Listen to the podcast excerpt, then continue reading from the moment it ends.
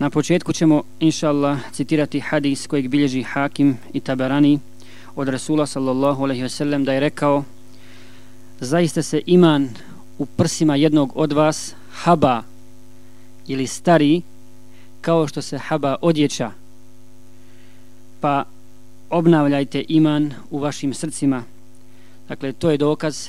Rasul sallallahu alaihi wasallam na slikovit način ukazuje na to da se iman u ljudskim srcima haba da se on smanjuje. To je dokaz da se iman smanjuje i povećava.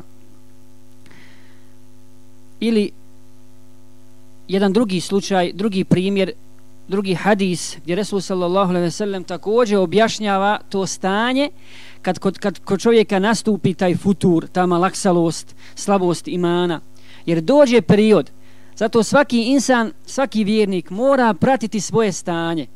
Mora, doće to, onaj ko radi za islam, ko radi, ko čini davu, ko živi islamskim životom i ko vodi borbu i džihad sa šeitanom, njemu mora doći taj period. Dođe taj period kada se nadbiju nekakvi oblaci, kada, kada čovjeka prekrije to, pa malaksa, pa se razočara, ne daj Bože, i skrene s puta i tako dalje. Međutim, vjernik se lahko snalazi. Vjernik može skrenuti, ali se brzo vraća. Ali se brzo vraća. Pa kaže Rasul sallallahu alaihi ve sellem nema ni jednog srca ljudskog, a da se nad njim ne nadvijaju oblaci kao što se nadvijaju nad mjesecom kada on sja. I kada se nadviju oblaci nad mjesec, sakriju njegovu svjetlost. Zađe mjesec, nema ga. Pa kada nestanu, opet mjesec sija kao što je sijao. E tako isto i iman na ljudska srca se nadvije tama, nadviju se ti tamni oblaci grijeha koje čovjek čini prema Allahu Đelešanuhu, prema samom sebi, prema drugim ljudima i tako dalje, pa potamne to u svjetlo, jer inače Allah Đelešanuhu daje nur, daje svjetlo u srca onih koji vjeruju. I čak ta svjetlost iz Allahove neizmjerne milosti se ogleda na licima. Na licima Allah Đelešanuhu je tako opisao, opisao iskrene Allahove robove u Tevratu, kada na trago, vidite tragove od seđde na njihovim licima. Nisu to tragovi zemlje koji ostanu, ni tragovi oni koji se utisnu na čelu kod onih koji dugo čine seđdu. Nego to je uopšteno se odnosi na sve mu'mine. Tragovi, to je nur na njihovim licima.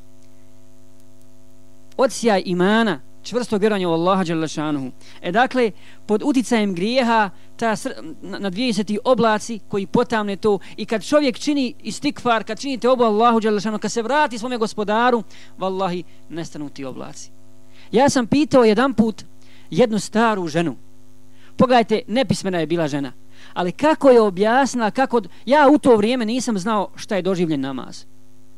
Zaista nisam znao šta znači doživjeti namaz. Pa sam razgovarao s tom ženom, starica jedna, pa je pitam kako ti doživljavaš namaz? Kaže, znaš kako si?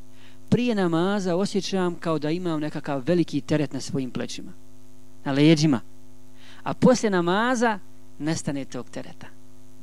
Wallahi, nikad mi niko nije bolje od ljudi objasnio šta znači doživljen namaz.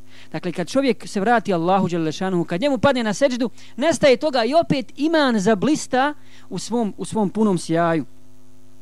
Dakle, sve nam ovo govori u prilog učenja Ahle Sunnata wal Džamajata, da se iman povećava i smanjuje.